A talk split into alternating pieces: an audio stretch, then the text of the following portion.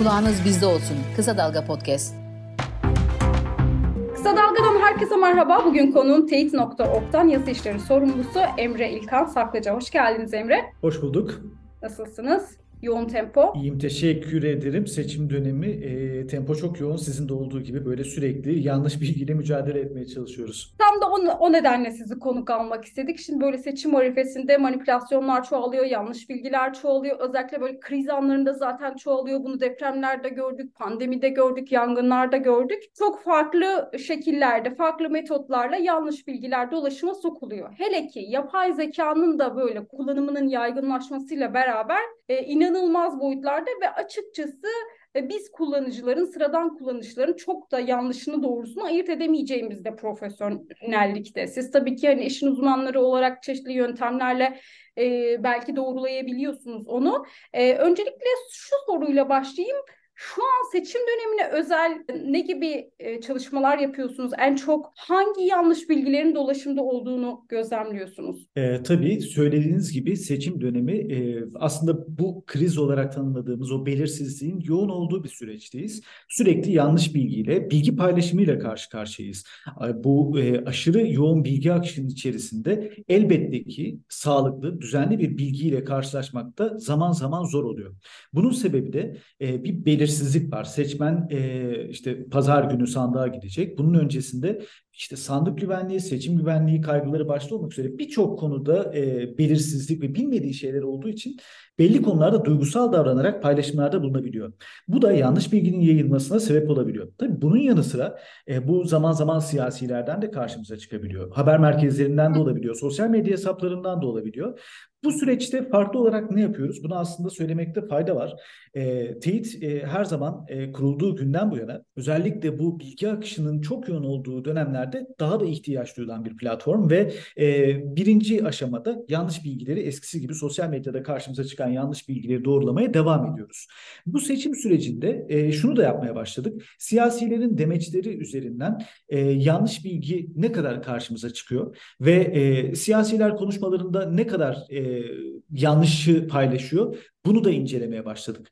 Bütün siyasileri aslında bütün siyasilerden kastım da şu. Kamuoyunun önünde e, belli bir sınırın üzerinde takipçisi olan ya da Cumhurbaşkanı adayı olarak bugün tanımlayacağımız kişiler, partilerin sözcüsü veya partilerin temsilcilerinin konuşmaları, e, demeçleri gündemimize giriyor ve olgusal olanları inceleyerek e, çeşitli e, işte kategorilere göre e, bunun bu demecin yanıltıcı bir yönü varsa bunun ne boyutta olduğunu ortaya koymaya çalışıyoruz. Bu da e, aslında seçmenin doğru bilgiyi, hakikati öğrenmesinin gerekliliğinde e, kritik bir öneme sahip. Çünkü e, doğru bilgiyle, hakikatle aslında e, seçim süreçlerinin yürütülmesi daha da önemli.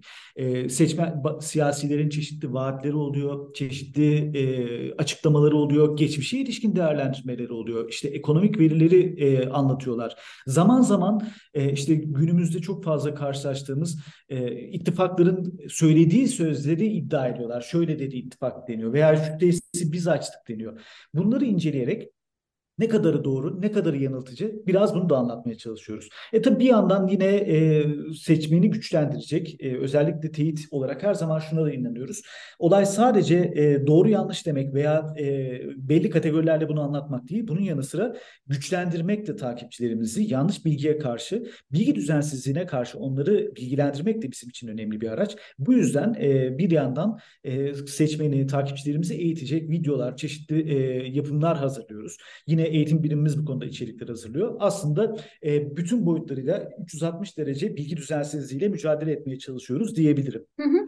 Peki gözlemlediğiniz kadarıyla yaptığınız çalışmalarda özellikle seçim dönemi için söylüyorum.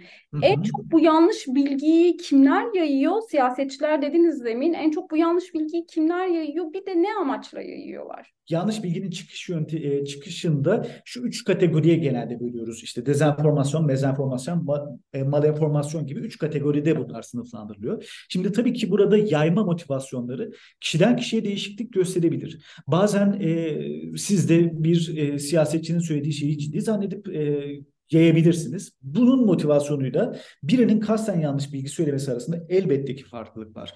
Bazen bu niyetleri anlamak zor olabiliyor ama e, nelerle karşılaşıyoruz ve en çok nereden çıkıyor sorusunda e, şunu söyleyeyim. Bir e, işte seçimin başından bu yana yani daha doğrusu seçim sürecinin başlangıcından bu yana 150'ye yakın içeriği ele aldık ve e, aşağı yukarı e, yanlış bilgiyi yayanlarda da e, yanlış bilginin hedefi olanlarda da e, eşit olduğunu söyleyebiliriz belli noktalarda. Yani Cumhur İttifakı da e, Millet İttifakı da yanlış bilginin hedefi olabildiği gibi zaman zaman e, yanlış bilgi yayanlar da olabiliyorlar. Aynı şekilde diğer ittifaklarda da benzer bir durum söz konusu. Tabii ki burada e, sosyal medyanın gücü, işte haber merkezlerinin Cumhur İttifakı ve Millet İttifakı'nın daha çok odağını almasından dolayı e, onlarla ilgili iddialar daha yaygınlaşabiliyor. E, çünkü her açıklama, her konuşma e, zaman zaman televizyonlara yansıyabiliyor ve bu konuda sosyal medyada paylaşımlar da olabiliyor. Bu nedenle bizim radarımıza takılan incelemelerde en çok e, yanlış bilginin hedefi olan e, işte şeye baktığımızda ittifakları Cumhur İttifakı ve Millet İttifakı'nın e, daha çok hedef olduğunu söyleyebiliriz. Hatta şunu söyleyebilirim, e, Millet İttifakı bir adım daha çok hedef oluyor. E, Cumhur İttifakı da hemen arkasından geliyor diyebiliriz. Ama e, yine farklı hedefler de var. Yani alt kırılım olarak da bakarak mesela sığınmacıları hedef alan yanlış bilgilerle de karşılaşıyoruz. E, ya da işte son dönemde çok tartışılan LGBTİ plus grupları hedef alan e, ciddi yanlış bilgilerle de karşılaşıyoruz. Bunların e, amaçları zaman zaman farklı da olabiliyor. Bir siyasi motivasyon da olabiliyor. Kitlesini konsolide etmek için de kullanabiliyor siyasiler. Zaman zaman bilinçsiz bir şekilde bunu yayan seçmenler de olabiliyor. Yani çıkış kaynağı ve orada e, belki de e, her iddia için ayrı düşünmek, ayrı değerlendirmekte fayda olduğunu söyleyebiliriz. Ben bunu biraz da şu nedenle sordum. Şimdi seçmenin oy tercihini de değiştirebilir. Özellikle kararsız seçmenin oy tercihini de değiştirebilir. Bilmiyorum siz böyle gözlemleyebiliyor musunuz? Tabii ki, tabii ki. Doğru bilgiye ihtiyacımız var çünkü hakikati öğrenmek zorundayız. Bu oy verme alışkanlığını da değiştirir. Sizi e, belki desteklediğiniz, ideolojik olarak yakın hissettiğiniz e, siyasi ne kadar doğruyu paylaşıyor, ne kadar yanlış, ne kadar yanıltıcı e, demeçlerinde bunları görmek elbette ki e, fikri değiştirebilir. Bu da bir etken ol, olabileceğini söyleyebiliriz. Hmm. İşte bu biraz tehlikeli. Özellikle o kararsız grubu etkileyen o yanlış.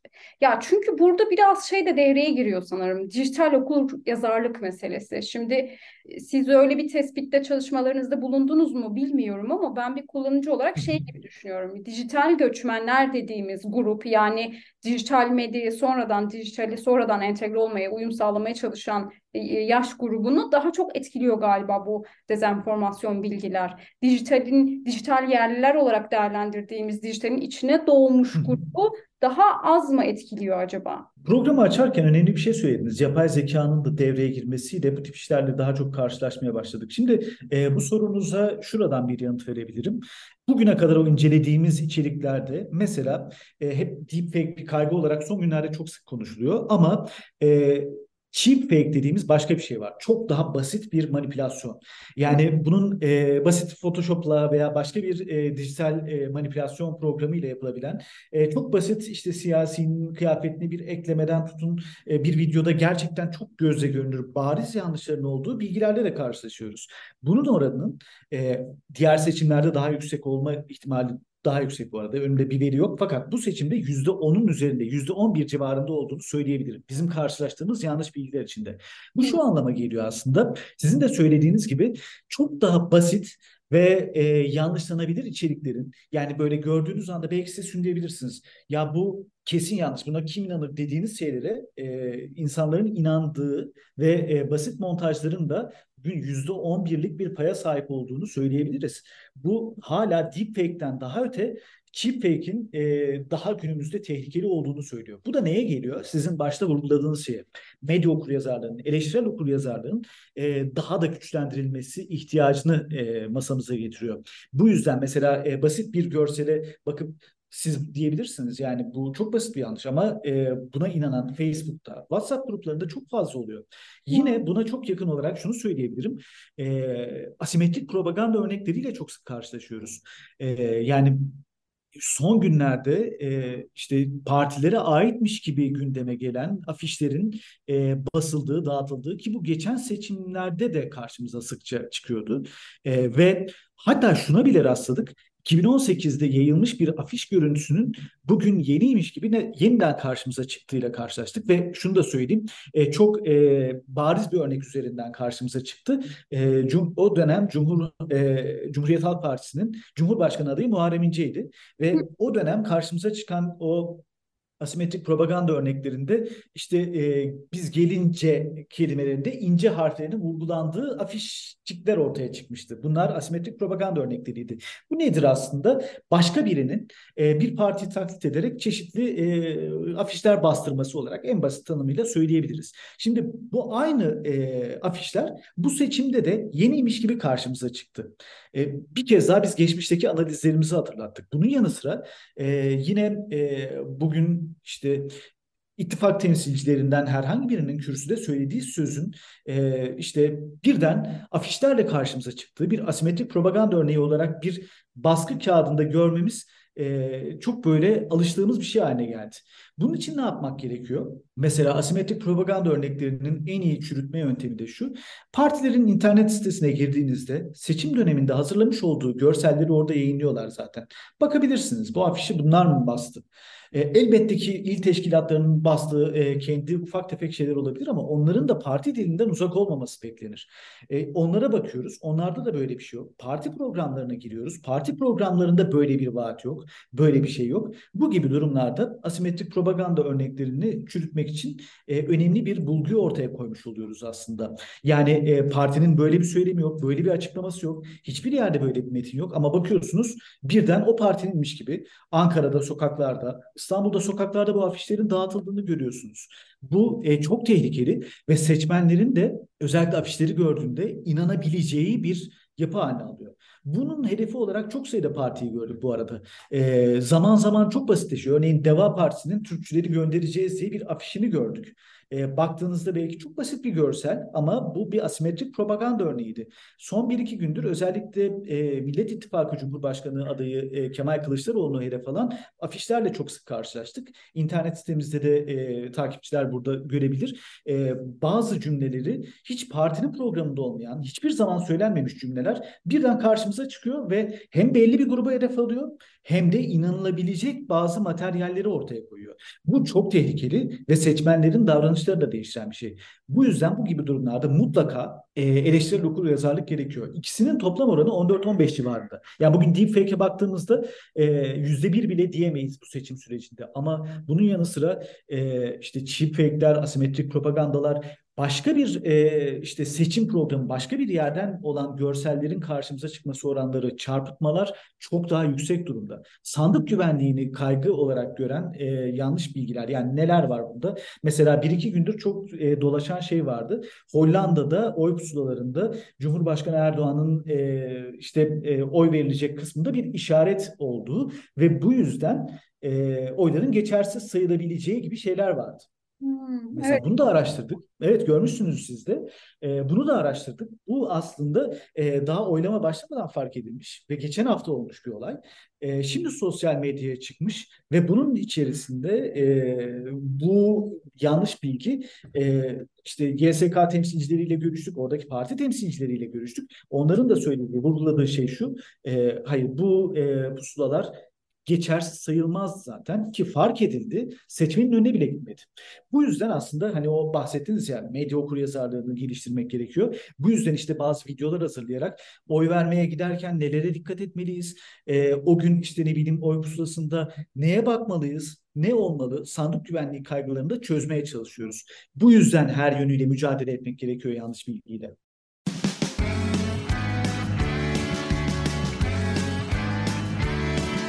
Kulağınız bizde olsun. Kısa Dalga Podcast.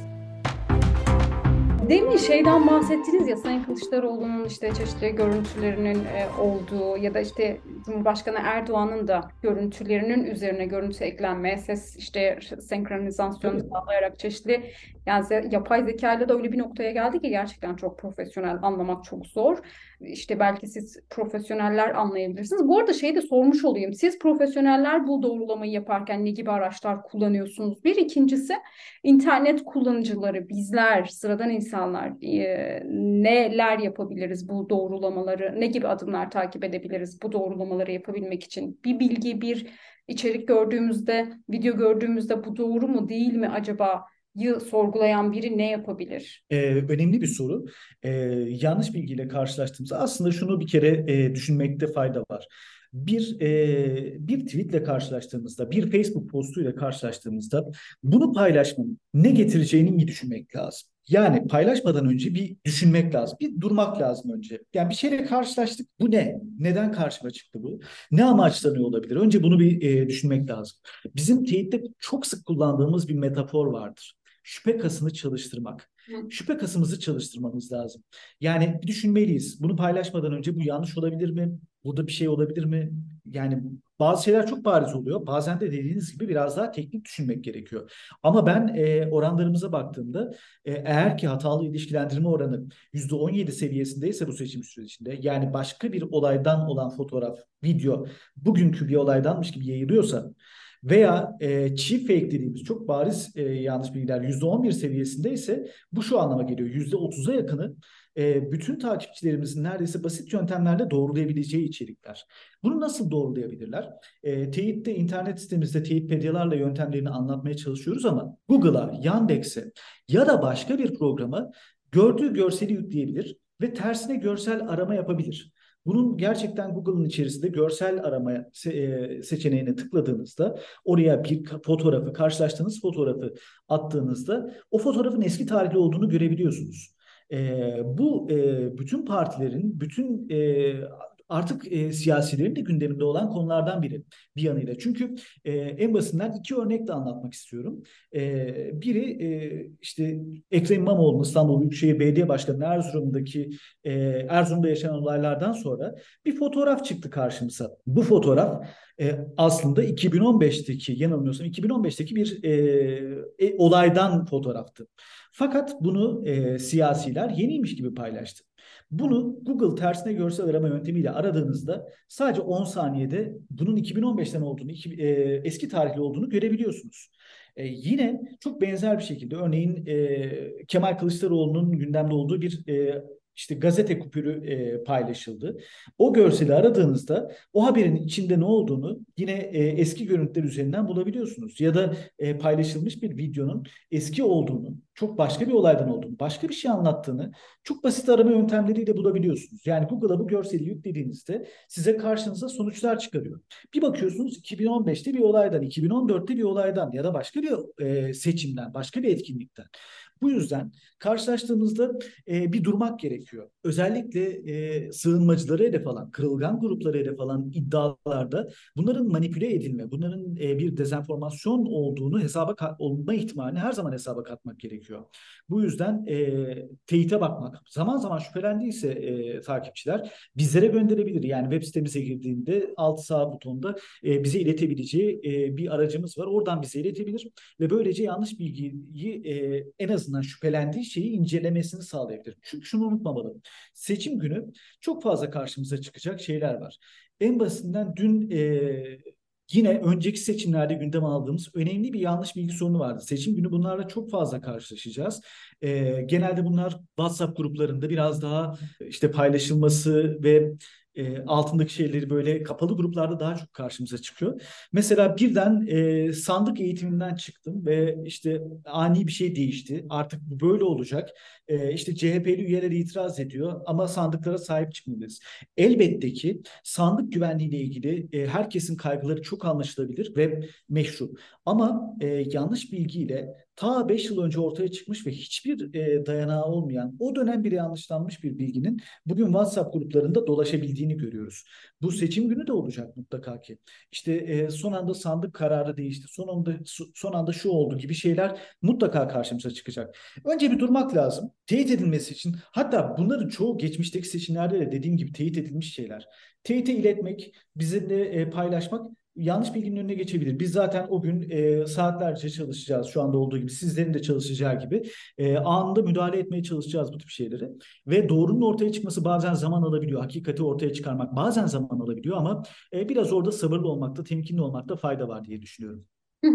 Peki ben e, siz birkaçını saydınız ama konuşurken de TEİT'in böyle kategorileştirdiği, yanlış bilgiyi kategorileştirdiği bir çalışmanız vardı. Yanlış bilginin yedi tipi. Onları böyle kısaca e, açıklayıp belki de örnekler üzerinden e, kısaca bir açıklayabilir misiniz? Tabii ki. Yani örnekler üzerinden belki anlatmak özellikle şeyde zor olabilir ama hızlıca bir sayayım. Manipülasyon dediğimiz yanlış bilginin yedi türü var. Şimdi manipülasyon bunlardan biri. E, manipüle edilmiş. Yani işte nedir bu? Az önce cheap fake olarak da bahsettiğimiz çeşitli ses efektleriyle oynamalar yapılmış e, görsellerde e, farklı objeler yerleştirilmiş, bozulmuş içerikler manipülasyon olarak adlandırılıyor. Bunun yanı sıra çarpıtma dediğimiz bir şey var.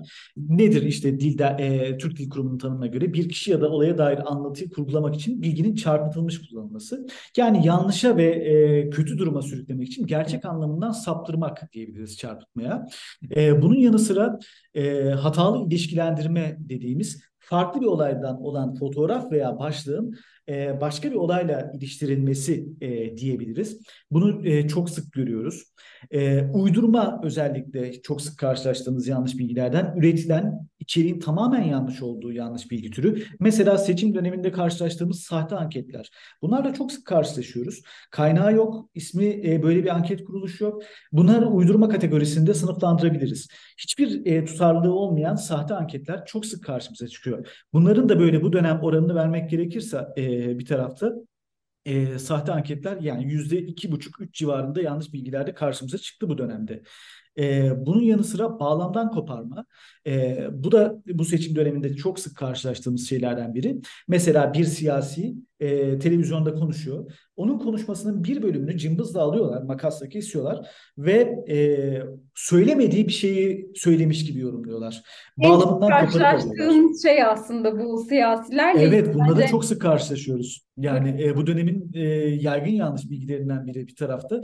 E, bir televizyon programında birden alıyorlar. Hatta bazen tırnak içinde söylenmiş bir cümleyi bile o siyasi söylemiş gibi paylaşıyorlar.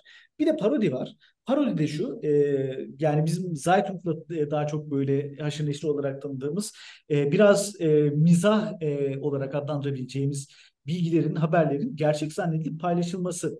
E, bir bakıyorsunuz Zaytung'un haberini bir haber merkezi almış, gerçekmiş gibi haberleştirmiş e, ve artık bir yanlış bilgi olmuş. E, bu o türe giriyor. Bir de e, şunu da söyleyeyim özellikle okuyucularımız için yeni olan şeylerden biri işte demeçleri kontrol ediyoruz dedik ya orada e, demeçte yanlış ve doğru demiyoruz özellikle. Bu dikkat ettiğimiz bir şey yanıltıcı yönü olabiliyor bazı açıklamaların. Burada bir kategorilendirmemiz var. Burada da çarpıtma yine var. Gerçek anlamından saptırma, bağlamından koparma var bilginin içinde bulunduğu olay ve durumlardan koparılması dayanaksız diye bir tür giriyor burada. Ortaya atılan iddianın yeterli delille desteklenmemesi. Ee, bunun yanı sıra tartışmalı diye bir kategorimiz var orada. Konu hakkındaki verilerin bir kısmının iddiayı incelemeye yardımcı olması ancak birbiriyle çelişen bilgiler içermesi. Uydurma var. Yine hasar vermek için tamam üretilmiş. Abartma var. Ortaya atılan iddia ile bir olayın bilginin verinin abartılarak aktarılması. Cımbızlama var. İddianın güvenilir bir veri ve bilgi kaynağının sadece iddia sahibinin savını güçlendirmek için. Mesela bir istatistik veriye bakıyor. E, diyor ki bu veriyi alayım bunu kullanayım. Yani o verinin tamamını bütününü görmeden oradaki veriyi kullanması diyebiliriz. Son olarak da doğru ama diye bir kategorimiz var. İddiada doğru bilgiler de var. Buna rağmen konunun farklı boyutları da var. Göz ardı edilmemesi gereken. E, oradaki yanıltıcı durumu da anlatmaya çalıştığımız doğru ama diye bir kategorimiz var. Bunlar zaman zaman tabii ki yanlış bilgiyi kategorilendirmek için çok önemli yanıltıcı bilgileri kategorilendirmek için çok önemli. Ee, özellikle bu dönemde neyle karşılaştığımızı seçim sonrasında daha iyi görmemiz için de önemli. Ee, yanlış bilgi türleri ilk saydıklarım e, siyasiler konusunda da demeçler konusunda da yanıltıcı olarak bu türlerle kategorilendirme yapıyoruz. Ya bu e, bilgiyi biraz böyle hani e, taktik amacıyla, pratik bilgi aktarmak amacıyla da sordum. Çünkü aslında sadece sizlerin bu işle ilgilenen uzmanların işi değil de artık bütün internet kullanıcıların yapması gereken bir şey. Çünkü dezenformasyon dediğimiz şey gerçekten ucu bucağı olmayan artık işte mücadele de zorlaşan bir alan. Sizin ım, teyitte kullandığınız bir şey var. E, yanlış bilgi dedektifi. Yanlış bilgi dedektifi olmak. Yani herkesin belki yanlış bilgi dedektifliğine soyunması lazım ama aslında anlattığınız kadarıyla da zaten öyle çok uzmanlık gerektiren, e, çok ciddi uğraş gerektiren şeyler de değil. En basit mesela görsel tarıma yönteminden bahsettiniz. Ben bir de şeyi sormak istiyorum. WhatsApp gruplarında ve sosyal medyada çok yayılıyor diye gözlemliyorum ama sizce en çok bu yanlış bilgiler hangi ortamlarda ve nasıl yayılıyor? Bu e, değişiyor tamamen. Yani işte mesela demeçler e, televizyonlarda karşımıza çıkıyor. Çünkü siyasiler orada konuşuyor. Bunun yanı sıra e, sandık güvenliği ile ilgili şeyler özellikle e, WhatsApp gruplarında, kapalı gruplarda, Telegram gruplarında karşımıza çıkabiliyor. E, bunun yanı sıra cheap fake dediğimiz şeyler Facebook'ta daha çok karşımıza çıkıyor. Ama çarpıtmalar, bağlamından koparmalar Twitter'da falan daha çok karşımıza çıkabiliyor. Ama bunları net bir veriyle söylemiyorum. Gözlemsel olarak söyleyebilirim. Çünkü baktığımızda genelde her ağın, her şeyin mesela TikTok'ta çıkan e, yanlış bilgiler birden farklı olabiliyor. E, böyle çok e, bağlamından koparılmış basit videolar da olabiliyor. Başka bir yerde başka bir şey de olabiliyor. Her mecrada, her yerde çıkabiliyor karşımıza. İşte biraz dikkatli olmak gerekiyor bu yüzden. Hı hı.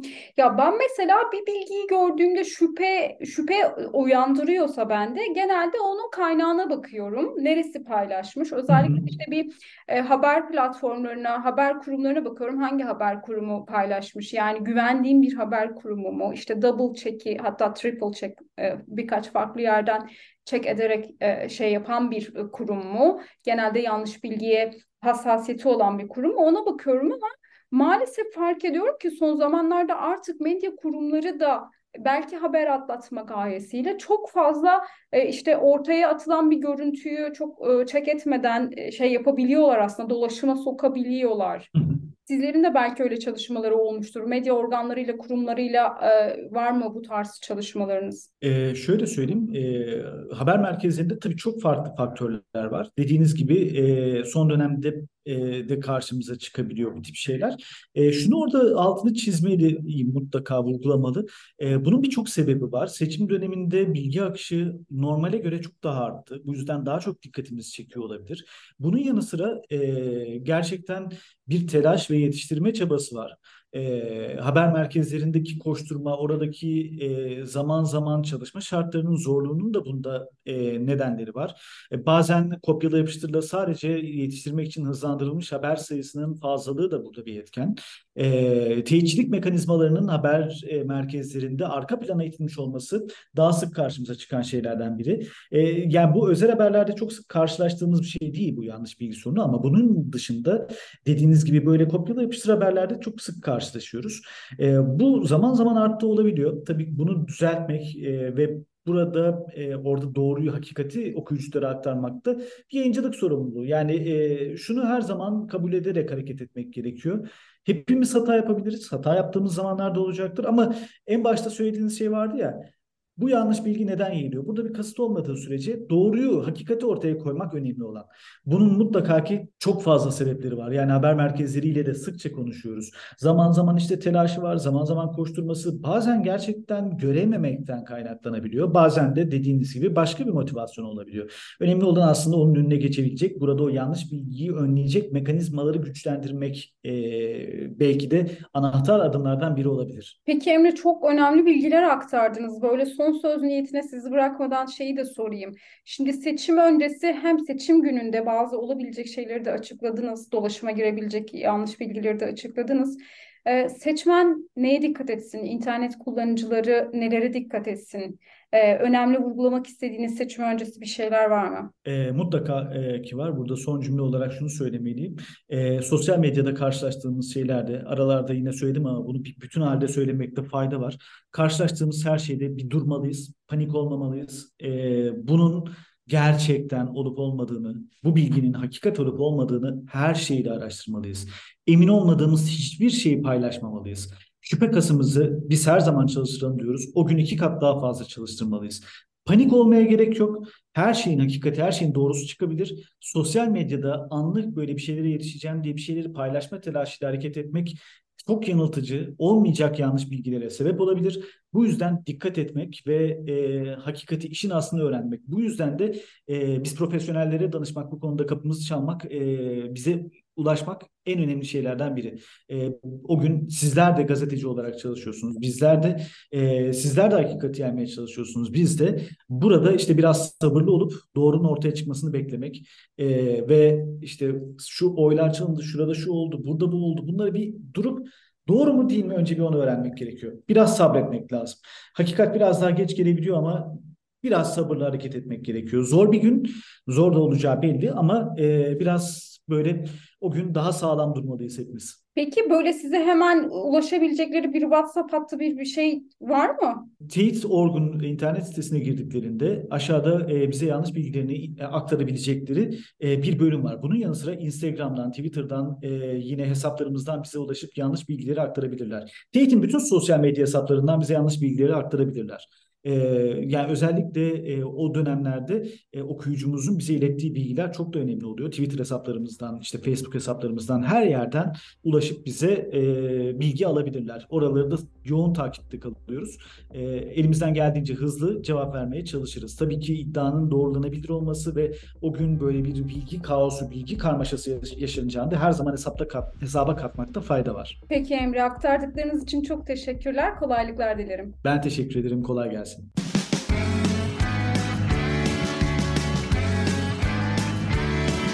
Kulağınız bizde olsun. Kısa Dalga Podcast.